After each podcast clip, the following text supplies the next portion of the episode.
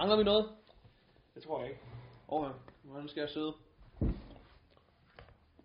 Den opfanger alting. Den opfanger alt, den der mikrofon. Smart. Kan man høre, at jeg spiser lakrids? En dårlig start, det her. Jeg synes, det er en fremragende start. øh, men, øh, du er med i 12. afsnit, øh, det er svært at være sjov. En af de heldige 12. Ja, jubilæumsafsnittet. Nej. For folk, der ikke følger titalssystemet. Jamen, jeg tror, jeg tror også for mange, der kan det blive et, øh, et jubilæum af en art, at det er femte gang, de hører min podcast. Eller tiende gang. Jeg tror ikke, der er nogen, der har hørt alle 12. Ja, Første gang for mange. Det første afsnit, det var med, det var med Thomas Skov, hvor det var helt forfærdeligt øh, hele afsnittet. Øh, hvor for det første, fordi at jeg, ja, det var første gang, jeg mødte ham, og jeg var kæmpe fan af Thomas Skov, så det var også sådan, det var sådan en af de der få, få mennesker, jeg bliver starstruck, der jeg mødte. Nå. Øh, og så, øh, udover det, så lå mikrofonen bare direkte på bordet, og vi havde en øh, kaffekop hver, som vi begge to kom til at sidde og køre rundt med, Uff. under podcasten. Så hele tiden der kunne man høre sådan en Spændende kaffekop. interview med Thomas Skov og to kaffekopper. Men du får ikke øh, problemet med at være starstruck den her gang. Ej, det, det gør jeg ikke. Øhm, ej, nu er det også, fordi jeg har mødt dig. Jeg synes, du er sådan en venlig fyr. Så... Tak. Og i lige måde. jo, tak. Øh, men øh, du er gæst i dag, Morten Wigman, og kunne du ikke starte med at præsentere dig selv? jo.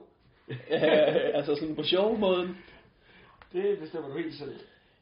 Har du, har du sådan en show mode, du præsenterer dig selv med? Nej, jeg, jeg præsenterer selv mig selv. Øh, det plejer at være en, øh, en open mic vært, der gør. Men øh, det kan jeg godt. Jeg hedder, jeg hedder Morten. Jeg er stand-up komiker. Woohoo! Living eller vida loca. Yes, var det godt nok? Måske, hvad, hvad har du lavet af forskellige ting, og hvad laver du nu? Og... Øhm, åh, jeg, øh, jeg, jeg laver stand-up. Øh, det har jeg lavet siden slutningen af oktober 2007, så jeg har vel været i gang i lidt under fire og et halvt år. Øhm, og så har jeg lavet lidt forskelligt. Jeg, øh, jeg var med i DM i stand-up i 2008, hvor jeg fik en anden plads. Øh, hvilket var rart, fordi dengang var det sådan, at øh, top 3 til DM, de fik lov til at komme ud på en Danmarks turné.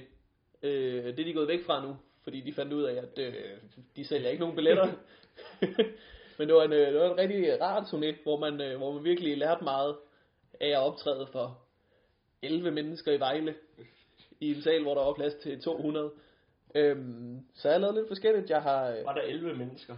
Der var solgt, nej, hvad fanden var det? der var solgt ni billetter i Vejle øhm, op til showet, men så begyndte jeg at give nogle billetter væk, så der var også en, en øh, specialklasse, der fik lov til at øh, komme gratis ind og se showet, så vi optrådte for øh, ni mennesker, og så en øh, specialklasse på 15 mennesker, som nogle gange vidste, hvad der foregik.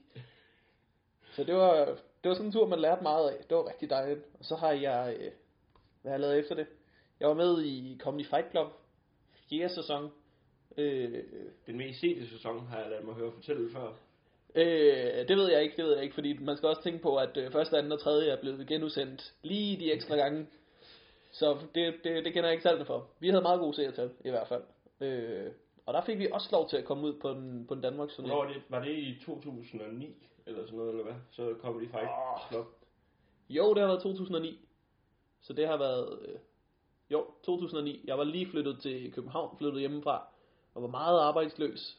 Og øh, jeg vidste, de lavede en, en ny sæson af Comedy Fight Club. På det tidspunkt vidste man ikke, hvem der skulle være med i den. Men jeg havde en svag forhåbning om, at det kunne være mig. Jeg havde snakket lidt med dem før. Ja.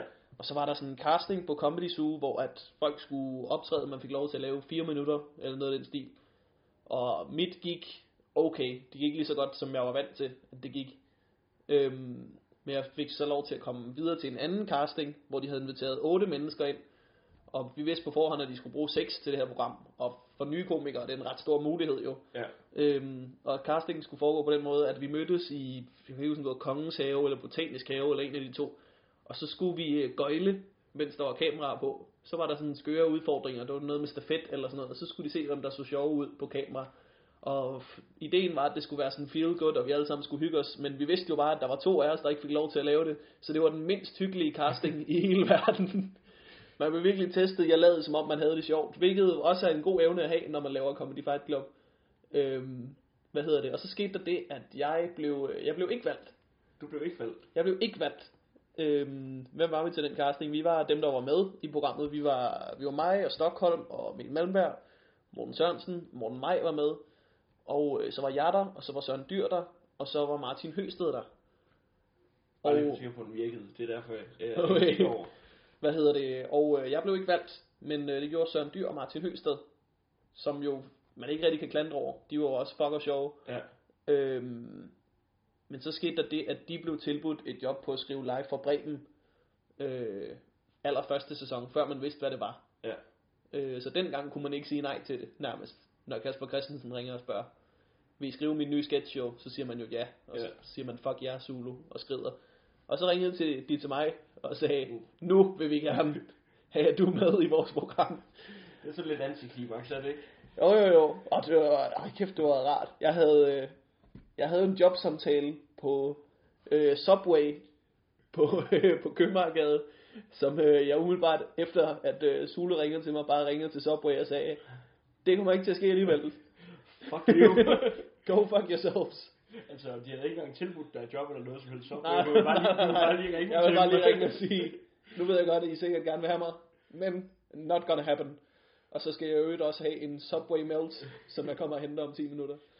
Øh, nej, så fik jeg lov til at lave det, og øh, det gik meget godt. Der var otte programmer, jeg vandt to af dem, hvilket er fint. Øh, og så fik vi lov til at komme på Danmarks turné øh, efter det, som var øh, hele Comedy Fight Club holdet, bortset fra Rasmus Ellersgaard, der vandt. Men hvad er der sket med ham? Hvad der- Jeg, jeg, har jo ikke, jeg har ikke set ham øh, overhovedet, eller ved, hvor han bor, eller hørt noget om ham. det er svært, fordi jeg ved ikke, jeg ved ikke, hvad jeg må sige, og, og om jeg kommer til at sige noget forkert. Det der med Rasmus Ellersgaard, Der det er er, alligevel så få, der hører det her. Øh, Rasmus Ellersgaard, han hører det i hvert fald helt sikkert ikke, tror jeg. nej, men øhm, hvad hedder det? Vi fik tilbudt alle seks at komme på turné, Ja. fordi Comedy Fight Club finalen er sådan lidt speciel på den måde, at folk allerede har valgt en favorit, og så stemmer de på den, og så vinder vedkommende. Ja. Øhm, så det, det lå ikke helt i kortene, hvem der skulle vinde, og jeg synes, vi var alle sammen ret lige gode, nærmest, på. Ja. forskellige aftener. Så FBI, øh, bookingselskabet, FBI, de, øh, de sagde, nu får I alle sammen lov til at komme på turné. Og så hørte vi ikke fra Rasmus Ellerskov i to måneder efter det. Han var simpelthen ikke til at få fat på. Man ringede til ham og sagde, hey, de vil gerne have os på turné. Kan du ikke lige være sød og svare på den her mail, fordi det var alligevel dig, der vandt, og vi andre vil rigtig gerne afsted, og vi ikke have, det falder fra hinanden, fordi at øh, du er væk. Så efter to måneder eller sådan noget, der fik jeg fat på ham og sagde, hvad, hvad fanden laver du, din store idiot? Du er så dum. Hvorfor? Når de ringer og siger, at vi skal på turné, så siger man ja. Så siger man, ja, det kunne være fedt, lad os tage afsted. Du er ikke bare væk i to måneder. Øhm, men øh, Rasmus Ellersgaard havde ikke lyst til at tage med. Og det var det er, er grunden, som du skal, nok skal spørge ham om. Ja. Fordi han er lidt, øh, han er en lidt særlig person øh, socialt. Han kan ikke lide for meget forandring, og jeg tror bare ikke, at, at det der med at tage på turné, det var for skræmmende for ham. Jeg tror ikke, han følte sig klar til det. Øhm, så han ville ikke med, men vi andre fik stadigvæk lov til at tage afsted. Og fik en der også et, øh, det, var også, det blev også lavet til et tv-program, gjorde det ikke? Jo, det gjorde det, det gjorde det. Øh, det er jo øh, en af de mindst sete tv-programmer nogensinde. Jeg tror ikke engang, det ligger på Sputnik. Så, øh, så sjældent et program er det. Vi havde, fortalt Morten Meimer, han havde undersøgt det for nylig, at vi havde 35.000 seere på Zulu, hvilket er absurd lidt. Altså, der er øh, lige så mange, der ser pauseskærmen på DR2, inden de startede nærmest. Altså, nyheder på tegnsprog har flere seere End, end jeres program havde. end vores turprogram havde. Øh, det var ikke fordi det ikke var så godt, men øh, det fik bare ikke, det fik ikke noget omtale, og det var, så var det sådan et lille program. Ja. Så der var heller ikke nogen grund til at stå det op til, slå det op til et stort nummer. Øh, men det, det er en tv-program, der ligger et eller andet sted i et arkiv, og er støvet. Og så efter det, så begyndte du at lave Ups, det er live, eller hvad? Øh, ja, det har været... Det har været noget tid efter... Nej, hvad, det var samtidig. Fordi Comedy Fight Club sluttede i november 2009. Øhm, og så fik vi lov til at tage på tur i maj, tror jeg det var. Maj Ja. 2010. Og jeg begyndte at lave Ups det live øh, marts 2010.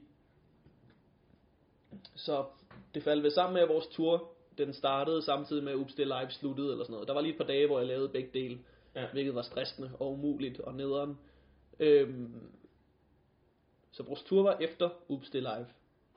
Øh, mener jeg. Ja, det lyder meget rigtigt.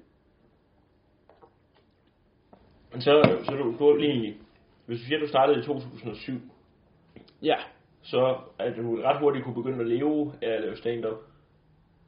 Ja, men der skal man også tage højde for, at øh, det første... Du levede måske ikke særlig godt.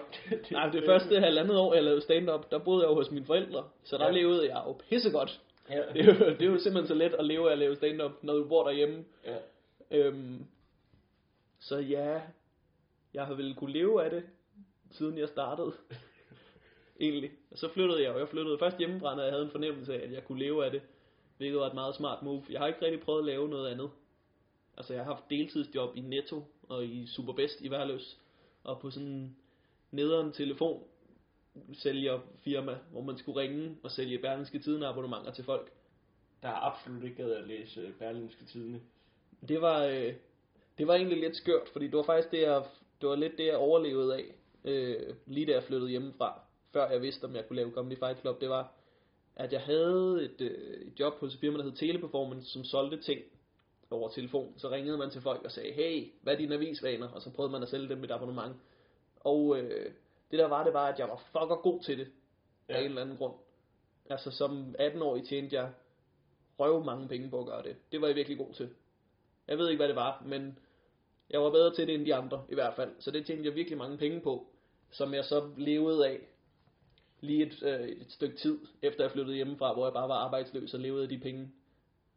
Jamen, så har du også kunne tjene, altså hvis man tjener godt sådan et, øh, som en telefonsælger, så tjener man det også virkelig godt. Så du har haft nogle penge, dengang du bare boede hjemme og Jo jo, bare kørt big money i på. og jeg tror, jeg havde, jeg tror, jeg havde flere penge end de fleste i den periode. Øh, så stoppede jeg så med det, fordi jeg, jeg blev sur af at lave det. ja. Man blev sådan, øh, det gik op for en, at man var et virkelig dårligt menneske, når man ringede rundt og solgte ting til folk, som de ikke havde brug for. Fordi når du skal ringe og sælge ting til folk, så skal du give dem en opfattelse af, at de har et behov for et produkt, som de bare slet ikke har et behov for. Altså, der er jo ikke nogen, der har brug for et abonnement på Berlingske Tidene. Det er der ingen. Det er jo folk uden internet Ja. og øjne, der har brug for det. det ja, der er ikke nogen, der har brug for det. Så jeg fik faktisk dårlig samvittighed over, hvor mange abonnementer jeg solgte til folk. Fordi det var virkelig ikke et produkt, jeg selv kunne stå inden for på nogen måde. Og når man laver sådan noget, så du røvrender lidt folk. Ja. Det gør jo ikke, at de siger ja til noget, som at øh, altså produktet er jo reelt nok. Det er jo ikke sådan en snyd på nogen måde. Men det, at man fik folk til at købe noget, som de oprigtigt ikke havde lyst til at købe fra starten af, det gjorde mig, det gjorde mig sur. Og jeg fik det oprigtigt dårligt over at gøre det, så det var derfor, jeg stoppede med det. Øh, og besluttede mig for, at det var stand-up, jeg skulle lave. Jeg har selv øh, arbejdet øh, to dage som øh, telefonsælger. Hvad solgte du? øh, Telia abonnementer. Ej, for satan. Det var, ej, det var jeg, jeg, jeg, dengang jeg kom hjem anden dag, der tænkte jeg bare, at hvis jeg skal op og lave, have den der følelse af, at jeg skal op og lave det her hver dag, når jeg står op, så ender jeg med at slå mig selv ihjel. Ja. Fordi, og altså, det var sådan en af de helt forfærdelige stereotype telefonsælgersteder der. Det var sådan, når man trådte ind, så var der sådan høj techno, nej, høj dansmusik, der bare hamrede ud over højtalerne. og der var sådan en klokke, som folk skulle gå og ringe Ja, på, ja, ja, og skulle ja. ja. give high fives til alle, når Ja, og, sådan og, og øh, en chef var sådan en mand, der gik med solbriller indenfor, mand. ja. Fuck ham, Peter, hvad fanden hed han? Peter, åh, et eller andet bag-navn. Han var sådan nederen. Folk, sådan, der arbejder sådan et sted, de har jo ingen sjæl. De har ingen sjæl eller passion for, hvad de laver. Det er bare idiotslaver, der står op og går på arbejde og laver noget, som alle hader. Der er jo ikke nogen, der kan lide telefonsælgere. Der er jo ikke nogen, der, når man ringer til dem, siger, ej, det var godt, du ringede. Det var lige, hvad jeg havde brug for. Den oplevelse får man aldrig som telefonsælger. Du er bare et røvhul, der prøver at få penge ud af folk. min chef, han hed Lav, han var også, øh, han var også, jeg vil, ikke, jeg vil jo ikke sige, at han var forfærdelig, for han var sikkert et fint nok menneske. Men Nej, nej, nej, nej, han det var, var ikke. ikke. Det var han ikke, Frederik. Ja, det, er- det er noget, du bilder dig selv ind, for at have det bedre med de to dage, du, lavede- du arbejdede på Telia. Han var et dårligt menneske. Det kan jeg sige, uden at have mødt ham. Så var han et dårligt menneske. Øhm, og altså det, derinde, jeg kan, jeg kan faktisk ikke, det hedder Media Invest firmaet, tror jeg hedder. Oh. Det, altså du kan også høre, det lyder virkelig irriterende. Media Invest. Øhm, men altså det var jo, altså det man fik at vide, man sad reelt og, reelt og løg over for kunderne, også om det produkt, man gerne ville sælge til dem derinde. For så sagde man, at der var fri data, men så var det kun 1 gigabyte data, man havde, eller sådan noget. Men man Ja. fik at vide, at man skulle sige fri data, for det var næsten det samme. Det var næsten det samme. 1 gigabyte er jo næsten det samme som fri data. Ej, Og så stod de i pausen og snakkede om dem der, der gik godt for dem. Ja, skal vi ikke lige odds 2.000 på den der fodboldkamp, hvor man stod bare og tænkte, "Ej, hold nu op. Så jeg ringede og sagde, Lavs, øh, Lav hedder han, this is, der ringede jeg og sagde, this is not gonna happen. not working out. Men jeg var også øh, meget, meget dårlig til det, fordi at, øh, jeg kunne ikke få mig. Når jeg ringede op som telefonsælger, så var det mig, der ringede op og sagde, øh, hey, jeg ringer ind fra Telia, har du lyst til et uh, Telia-abonnement? Så siger de, nej, det har jeg virkelig ikke. Og så sagde jeg, det er fint. så, så det er det næste ja, jeg troede på en eller anden måde, man bare kunne være heldig bare at ramme nogen hver dag, der virkelig bare ville have Telia-abonnement, når man ringede til dem. Det, det var der vist også folk, der gjorde, men de døde endnu mere indvendigt, fordi de havde ikke nogen succesoplevelser nogensinde. Øhm, hvad hedder det? Jeg ved ikke, øh, jeg kan ikke huske så mange af de tricks, jeg brugte, men jeg lærte mig selv mange ting, der gjorde, at man kunne... Ting var, at man skulle ikke give folk plads til at tænke selv. Det skulle du aldrig give dem plads til. Du blev bare ved med at tale og tale og tale. Ja, man blev ved med at spørge ind til, hvad deres nyhedsløsninger var, og så kunne man, uanset hvilken slags nyheder de interesserede sig for, så man også spurgte ind til, kunne man sige et eller andet godt om Berlingske Tidene, der havde med det at gøre. Og ej, jeg bliver helt død af at snakke om. Kan vi snakke om noget andet? Jeg bliver helt, jeg bliver helt sur af at snakke om at arbejde for teleperformance. Og det, det, det hedder også et eller andet fuldstændig åndssvagt noget. Teleperformance. Teleperformance, mand. Ej. Nu vil jeg ringe ud til med mobilabonnementer, og så gøre det som telefonsælger, det synes jeg egentlig heller ikke rigtig giver nogen mening. At ringe til folk, der åbenbart har et abonnement, og sikkert har fundet sig i 6 måneder, for det havde alle jo. Men det er, så, det er jo det, der sker, når folk de går ud og køber en mobil, der er bundet i 6 måneder, og så bagefter så går de ud og køber en ny. Alle var bundet. Altså, jeg synes, at vi skal snakke om noget andet. øhm. Du skal jo live for Bremen. Hvordan er det, Morten Wigman? smooth overgang. Øhm, hvad hedder det? Jeg har skrevet, jeg har skrevet live for Bremen siden, øh, vi er i gang med 6. sæson nu, og jeg skrev, 5. sæson blev jeg ansat som, øh, de gav mig det, de kaldte en praktikantløn, Ja. som var en deltidsstilling, men de sagde, at de vil gerne have, at jeg arbejdede der lidt mere. Øhm, og jeg har altid virkelig gerne vil skrive fjernsyn, Ja. og selvom Live for Bremen jo ikke er det bedste program i verden, eller det Jeg, jeg synes, næstbedste, det blev bedre. Jeg synes, det blev bedre fra første sæson. Ja, ja, det, det skulle det. Ja. For helvede også. hvad hedder det? Men øhm, så selvom det er, hvad det er, så er det bare et, et fucker fedt arbejde. Altså, Ja. det er så rart at kunne få lov til at, at finde på ting hele tiden. Og hele tiden presse sig selv til at få nye idéer. Og så er der den fornøjelse, som jeg nyder mere end nogen andre, nemlig at hver gang jeg skriver noget, så dukker man op om fredagen ude på Nordisk Film, og så kan man se, at de har bygget det. Det er jo så rart, Ja. og, og at der er folk, der bygger de ting, man skriver. Man føler, øh, det er sådan en helt syg følelse af magt, man får, som jeg virkelig godt kan lide. øhm, det er rigtig rart. Og så øh, startede 6. sæson nu, hvor jeg så er blevet hyret til at arbejde fuldtid. Fordi det jeg gjorde i 5. sæson, det var, at jeg tænkte, jeg vil gerne have det her arbejde. Og jeg vil gerne gøre det ordentligt, og arbejde her meget, få en Ja. ordentlig løn. Så selvom jeg var ansat deltid, så sørgede jeg for at være en af dem, der var der allermest, og arbejdede allerhårdest for projektet. Ja. Øhm, og så får man lov til at komme igen øh, til en bedre løn. Så nu laver jeg det samme, som jeg gjorde i sidste sæson, bare for flere penge, hvilket er, er rart. Det er, sgu et, øh, det er et fedt arbejde. Men der er også, øh, der er sket nogle ting i det, fordi øh, men det er også sådan på, at man har en redaktionschef på sådan skriverhold. Vi er vel typisk en otte mennesker samlet, Ja. øh, der skriver det. så er der en redaktionschef, og så er der en hovedforfatter.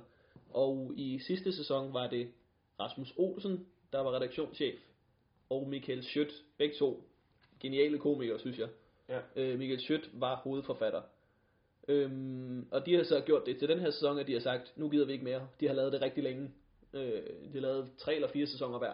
Ja. Og så, bliver man, så kører man lidt død i det. Øhm, så de gad ikke mere, og nu er vores øh, hovedforfatter så Kasper Christensen, og vores redaktør er Lasse Remmer.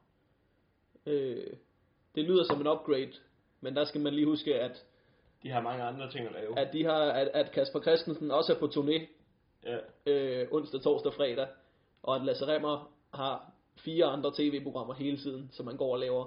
Så selvom de er virkelig dygtige mennesker, så kunne man også mærke på Rasmus Olsen og Michael Schødt, at de investerede rigtig meget i det. Øhm, så der er nogle forandringer nu, som man skal vende sig til. Det, det er anderledes arbejde der, men det er stadig rigtig godt. Går du så efter at være den, der tager styringen, nu hvor der ikke er nogen øh, styrmand på skibet? Øh, lidt måske, men det er jo også fordi, der er nogen, der er nødt til at skulle gøre det, Ja. når, øh, hvad hedder det, når Lasse er væk, og når Kasper er væk. Så, så øh, sidder folk jo egentlig og kunne slippe afsted med at lave ingenting. Ja. Men det skal vi passe på med at give os selv for meget lov til, fordi så får vi en masse halvfærdige sketches. Så jeg tror ikke, jeg prøver at tage styringen generelt, men lige en gang imellem, så prøver jeg at råbe folk op Ja. og prøver at danne mig et overblik, som man typisk ikke har som forfatter, og ikke behøver at have, fordi du, det er vigtigt, at du koncentrerer dig om din egen sketch, Ja. og sørger for at gøre den så god som muligt. Øhm, så det er lidt spændende nu. Det, vi lavede tredje program i går. Ja, tredje var det. Ja. Det sad jeg og så derhjemme. Det var, det var fint. Det var fint. Det var Frederik Fetterlein, der var gæstevært, hvilket ingen af os var begejstrede for.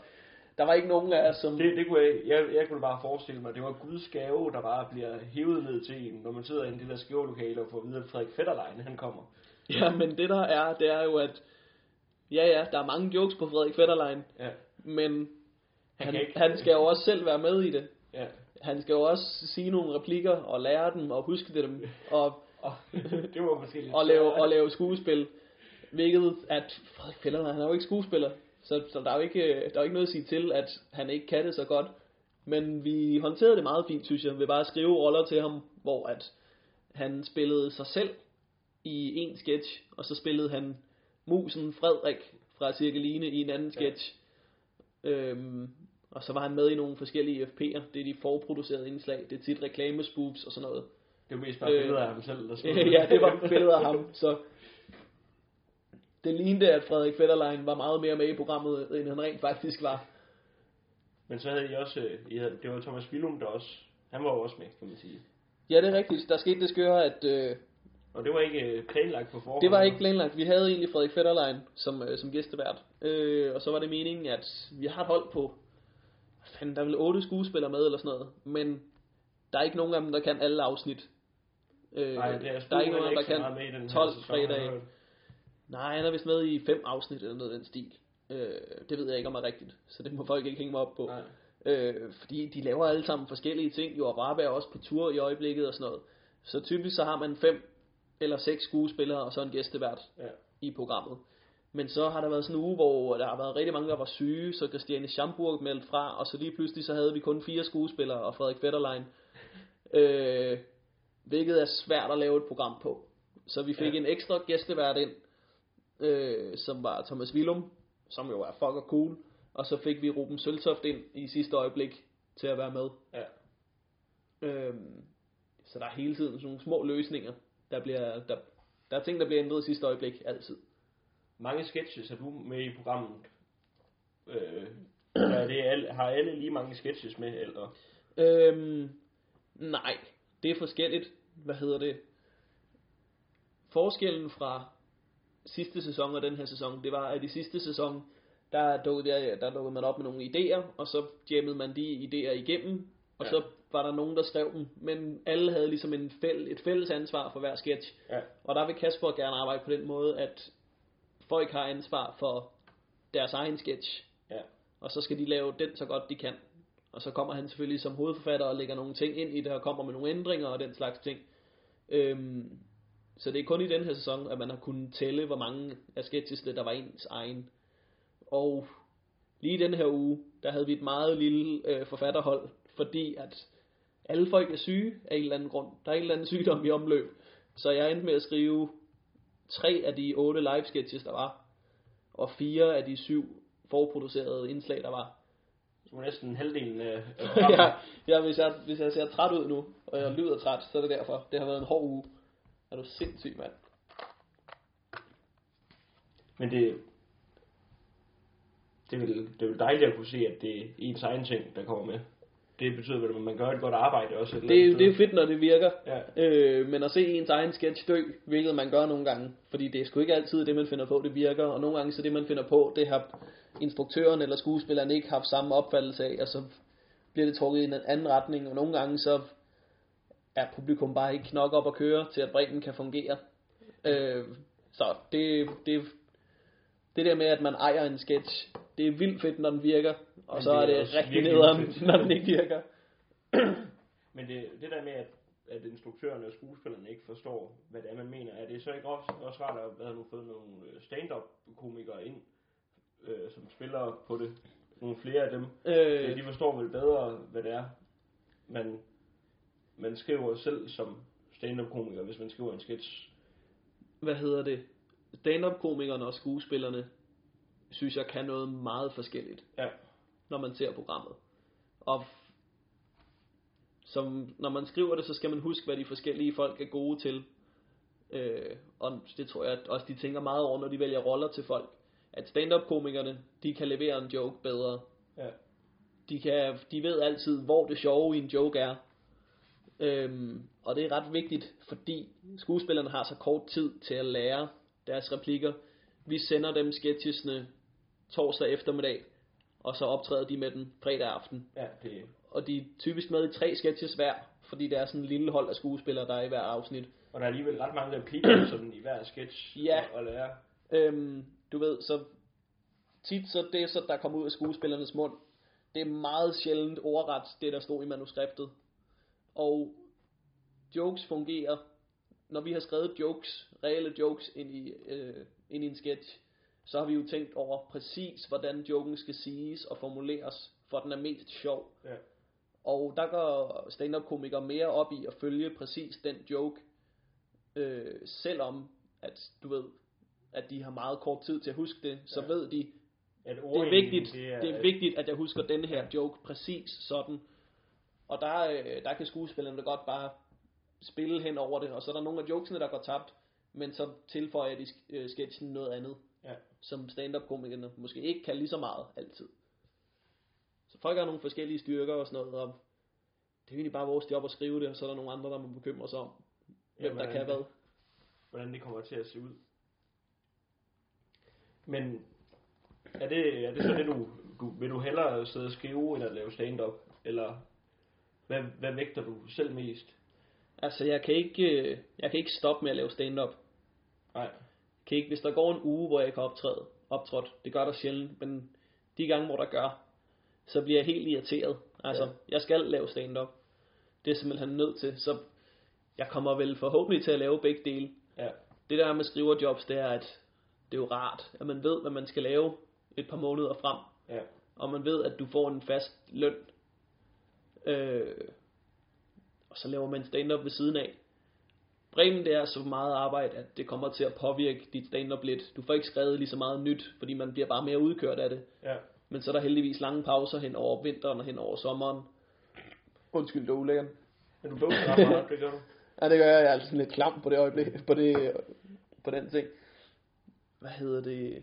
Men jeg skal lave begge dele. Altså, jeg vil virkelig gerne skrive fjernsyn øh, og have skriverjobs, men man kan ikke stoppe med at lave stand-up overhovedet. Men det, det giver vel også noget, øh, bliver, det ikke, bliver du ikke bedre til at skrive også dit stand-up, når du sidder og skriver sketches hver eneste dag?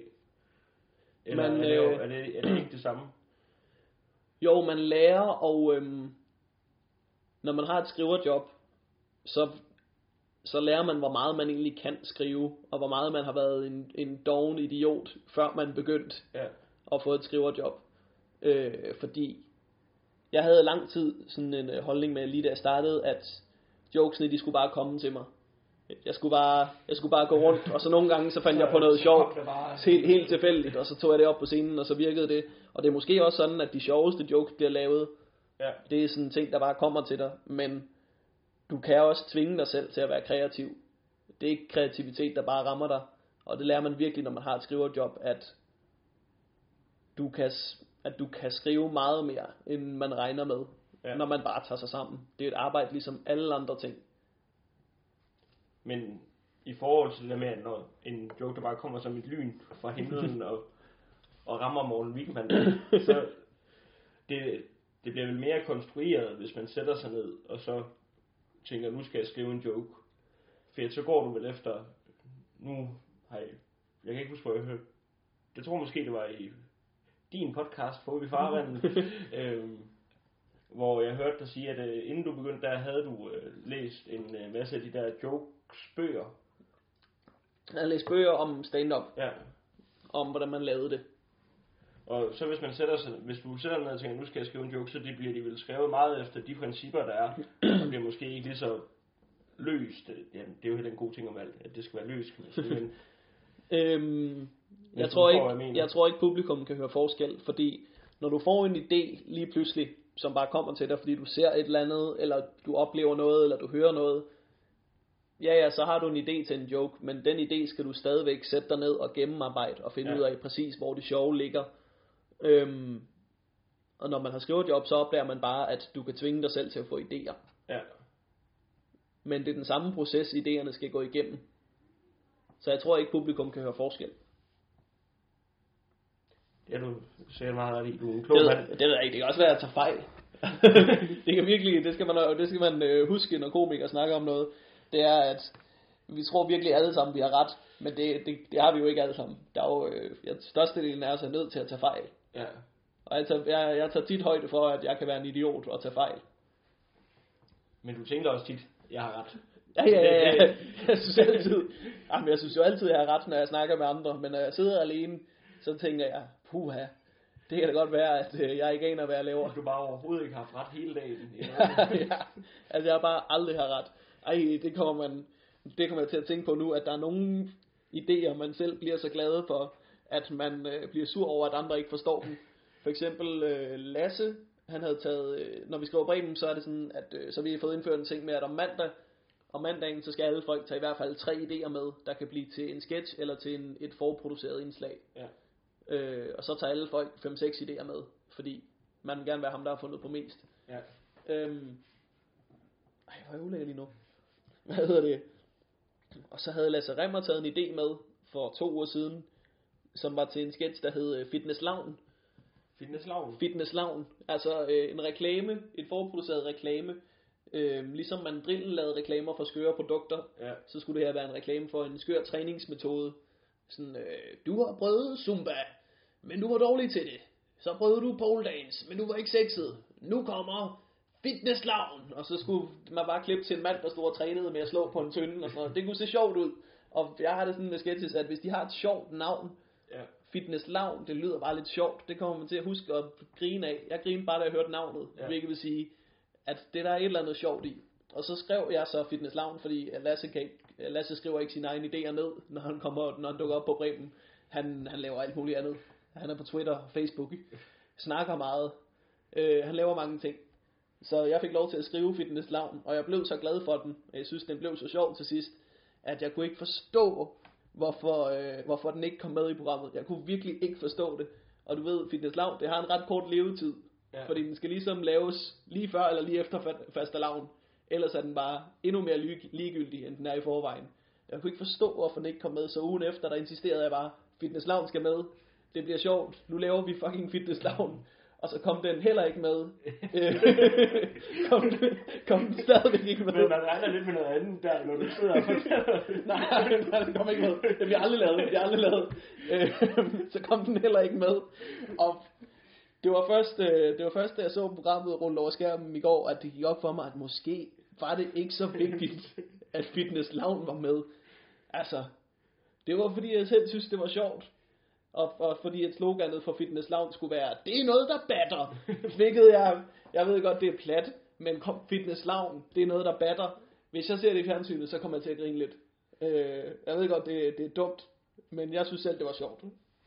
Altså, jeg, jeg tror egentlig, selvom, selvom du sidder og siger noget andet nu, så da du sad og så programmet, der har du siddet og tænkt, at der er en af de der forproducerede indslag, der godt kunne være skiftet ud i. Ja, de kunne da sagtens være skiftet ud til fordel for Lounge. Det kunne de altid. Men der er jo ikke én rigtig måde at gøre det på, når man laver bredden. Øh, og hvis, hvis dem, der bestemmer mere end mig, har en anden idé om, hvordan vi skal lave det, så er det måske ikke værd at tage den kamp op for Fitness Lounge. Pick, pick your battles. ja, og Fitness Lounge er ikke en af dem. Men du, du kan også få den anden vej. Nu har du et helt år til at... Nu er det helt år til at, lave, til at lave lobbyarbejde, for at Fitness Lounge skal med i, i sæson 8 af Live for Bremen bliver det så. Puha, så skal det program overleve to sæsoner mere. Det tror du ikke, det gør? jo, jo, det tror jeg, det gør. Det tror jeg, det gør. Øhm, det, det, det håber jeg nu, i hvert fald. Nu har du et dejligt arbejde. hvor, hvor, hvor lang tid har du så en idé om, at du vil stoppe med at skrive live for Bremen på et eller andet tidspunkt, eller vil du blive ved med det i... Eller det er ikke begyndt at kede dig, du kan næsten høre på, på den måde, du sidder og taler om det. Øhm, tingen er, jo, det er lidt kedeligt nogle gange, men det er også kedeligt at sidde derhjemme. Ja. Altså, jeg keder mig også meget alligevel, så jeg vil lige så godt tjene penge på det. så, ej, det er, det er for det meste sjovt, jeg ved ikke, hvor længe jeg bliver ved, men, altså, man har jo de der pauser indimellem, som gør, at man får lidt fornyet energi. Ja. Øh, fordi det er så hårdt at skrive. Det er sindssygt, man skal lave meget. Øhm, jeg ved ikke, hvor længe jeg bliver ved. Det kan også være, at der kommer et endnu federe program, som jeg kan få lov til at skrive på, og så gør jeg Hvor du det. så ringer til Live for Bremen og siger, Ja. that's not gonna happen. That's not gonna happen. Gæt hvem, der har købt Fitness Lounge sketchen. Ja. Bitches. står min subway, så vil stadig ikke købe til Der var nu. Bitches. Nå, øhm, men du, du skal ikke lave, øh, du skal ikke lave andet end uh, Forbi Farvand live show til Aarhus Comedy Festival, for eksempel. Øhm, nej. Det der er, det er, at øhm, hvis jeg skulle, man kunne godt tænke sig at have et show under Comedy Festivalen. Men hvis det kun skulle være med mig, så skulle jeg have en Teams materiale, som ikke har været i fjernsynet. Og det har jeg ikke lige nu. Jeg er, en, jeg er på et punkt, hvor at jeg har været på fire Danmarks turnéer på fire og et halvt år. Ja. Hvilket er absurd.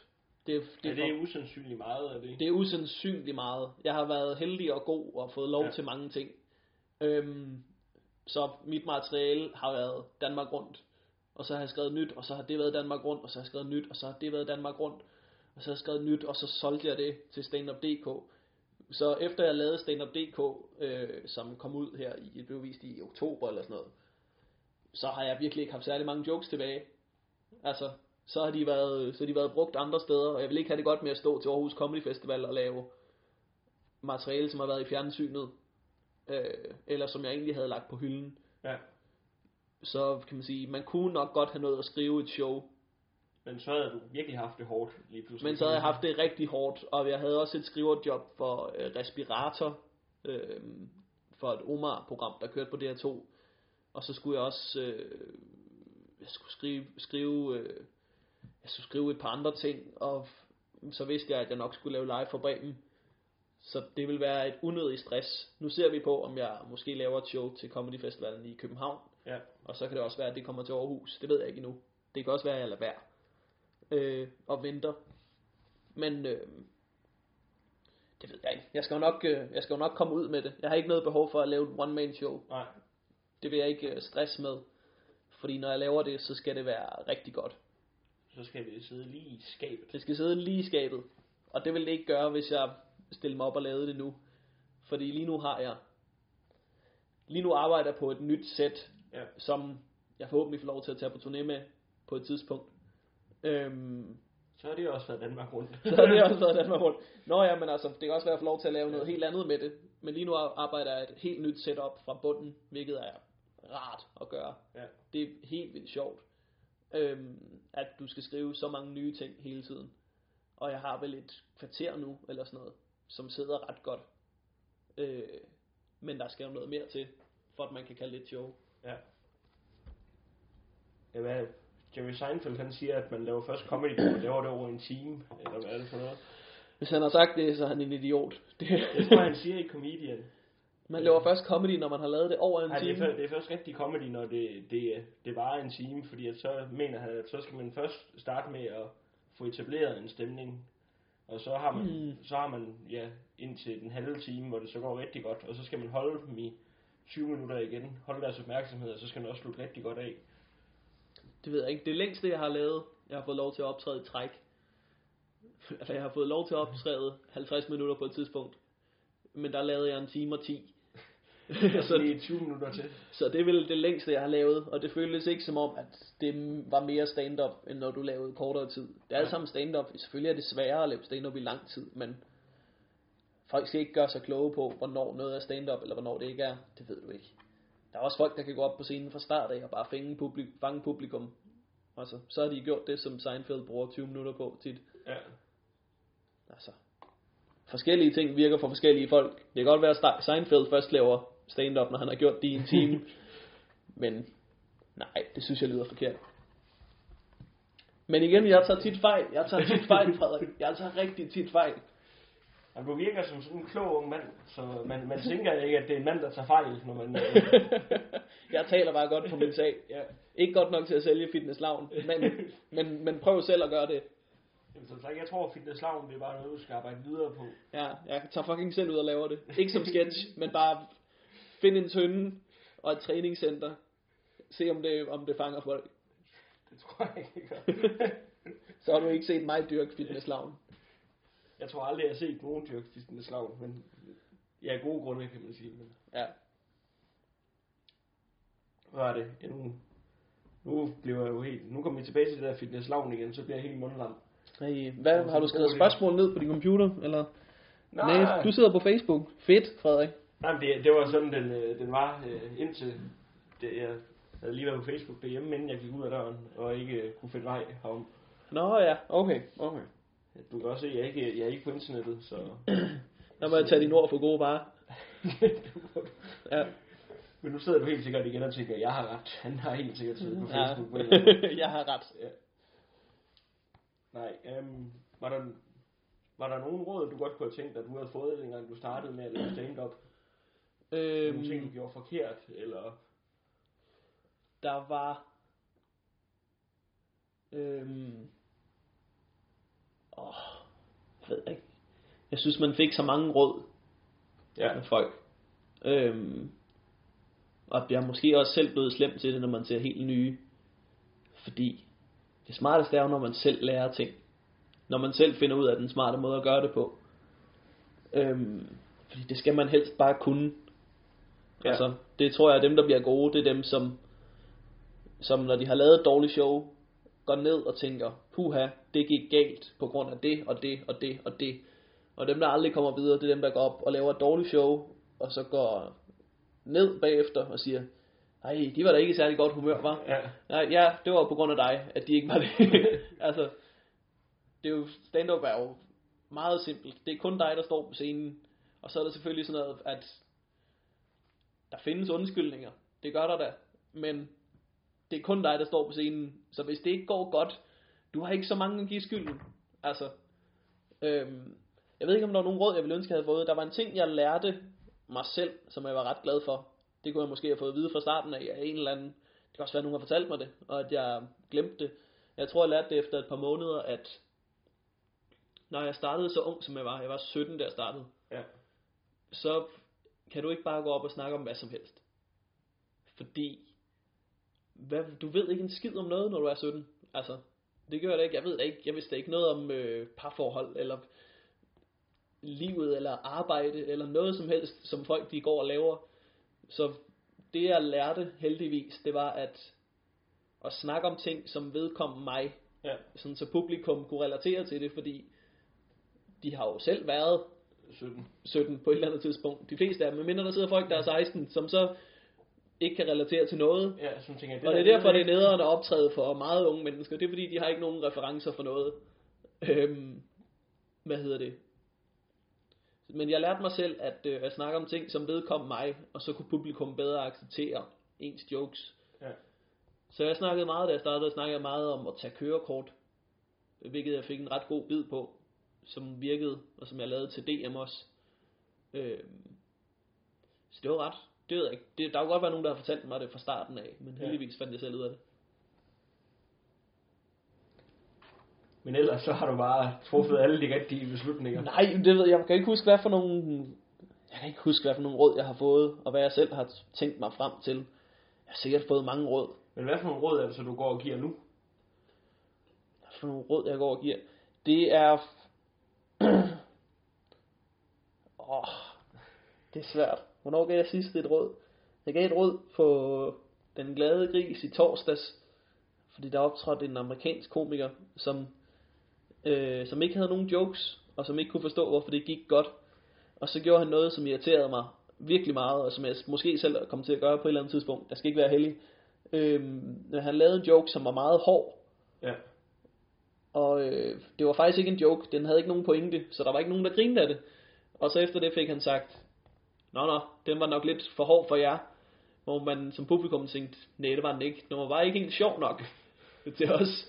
Øhm, og der kan man altså, der kan man miste rigtig meget, når man gør det. Når man, fordi så forstår du ikke, hvorfor det gik galt.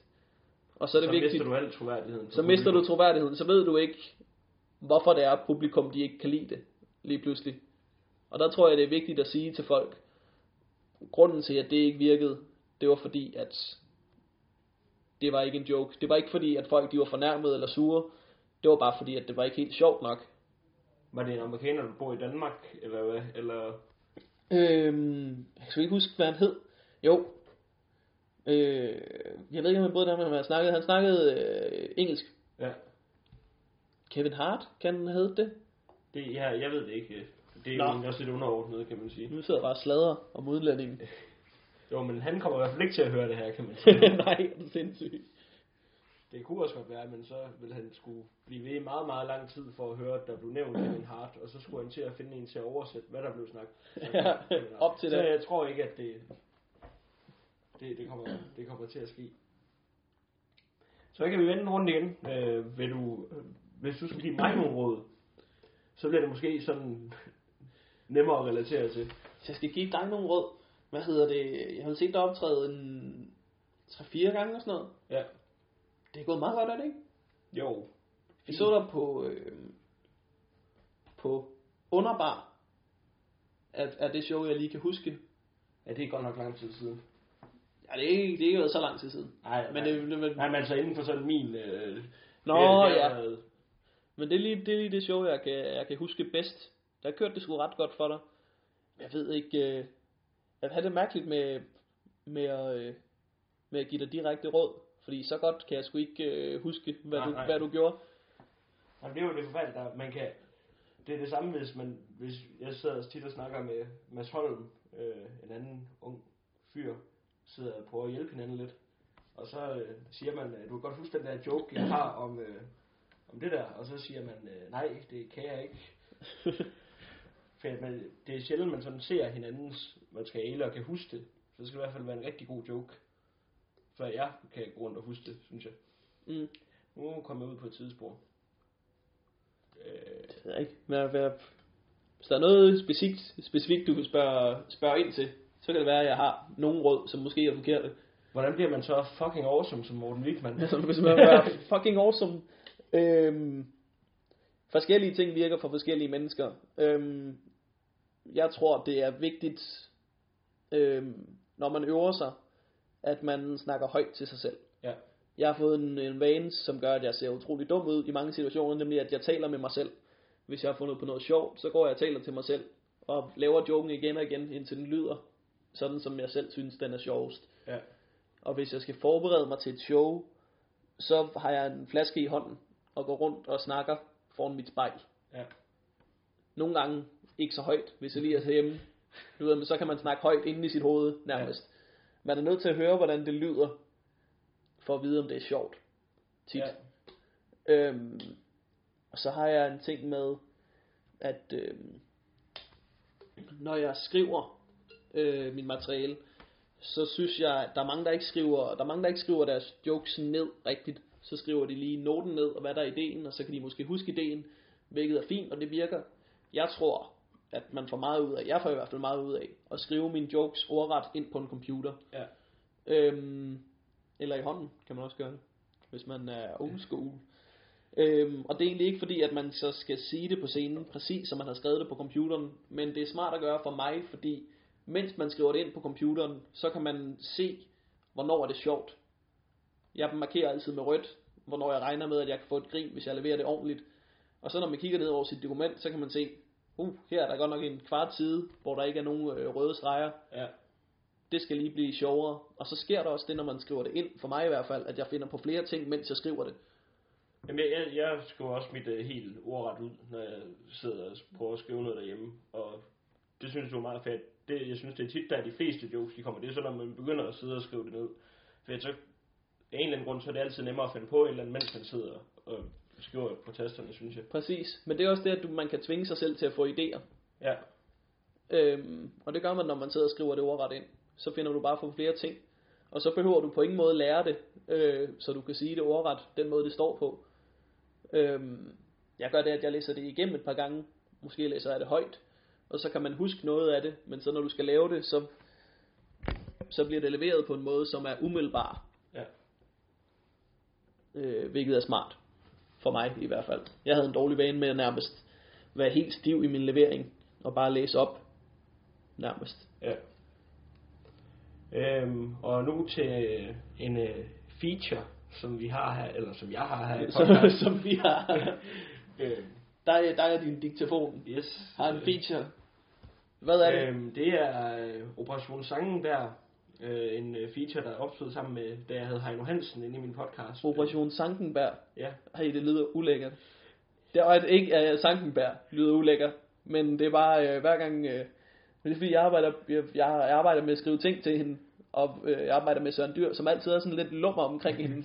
Så jeg har bare vendet mig til, at når folk siger noget med Sankenberg, så er det garanteret et eller andet øh, klamt.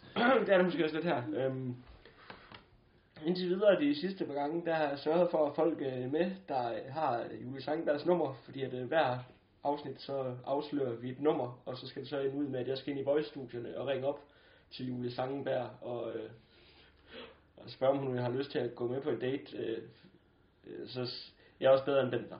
Øhm, Ja. Øhm, så har du lyst til at afsløre et nummer, det er ikke, det er ikke i øh, rækkefølge, så øh, folk de skal virkelig crack koden derude. Jeg, øh, hvad hedder det? Jeg har ikke hendes nummer. Nej! Jeg har ikke Julies nummer, mand. Det, øh, det har jeg ikke. Jeg har, øh, jeg har engang haft det. Jeg har engang skulle sende et eller andet til hende, mener jeg. Men jeg kodede det ikke ind i min telefon. Så jeg har det ikke liggende. Ja, ja, vi, vi ringer lige til Heino. Vi, du vil ringe til Heino nu. Ja. Hvorfor vil du invitere hende på date? Hun, øh, hun har en kæreste. ja, men lad os nu se, hvor lang tid det holder. Ja. Og Da du sagde, at I havde en feature, så var det ikke den feature, jeg havde regnet med. det var det ikke. Nej. Øhm, jeg, har, jeg har åbenbart heller ikke lige fået igennem nummer, så det bliver en anden gang. Så, så du, har ikke, du har ikke nummeret på den person, der skal hjælpe dig igennem hele det her projekt. Men alligevel, så har du næver nok til at komme herind og forlange et cifre af Julie Sandbergs nummer, som jeg ikke har. Jeg kan ikke hjælpe dig. Jeg kan simpelthen ikke hjælpe dig. Men øh, du synes, det er en dårlig feature, kan jeg høre? Jeg, Nej, nej, nej. Folk har ellers været ret begejstrede for den. Yes, det, er en, det, er en, det er en fin feature. Jeg prøver bare at lure, hvorfor. Jamen, øh... Igen, lad os nu se, hvor lang tid det holder med Bentner. Øh, Ja. ja. Er det fordi, du synes, hun er lidt sød? Det, synes, det synes jeg måske. Øh, det kan det godt være, jeg synes det. Det skal du, øh, hvis du, hvis du skal ringe til hende, så skal du øh, mande op til at få sagt det, i hvert fald. øh, ja. Jamen, det, det tror jeg godt, jeg kan melde mig op til. Det tror jeg godt, du kan. Hun er også flink. Hun er sød. Du, du siger, du, du starter med at sige flink. Du synes måske ikke helt, hun er sød. Jo, jo, jo, jo. Nå, okay. Men øh, Øhm, det ved jeg da ikke. Altså, hun var sammen med Rasmus Sebak og Niklas Benten og sådan noget. Jeg, Michael Wulff. Nå ja, Michael Wulf.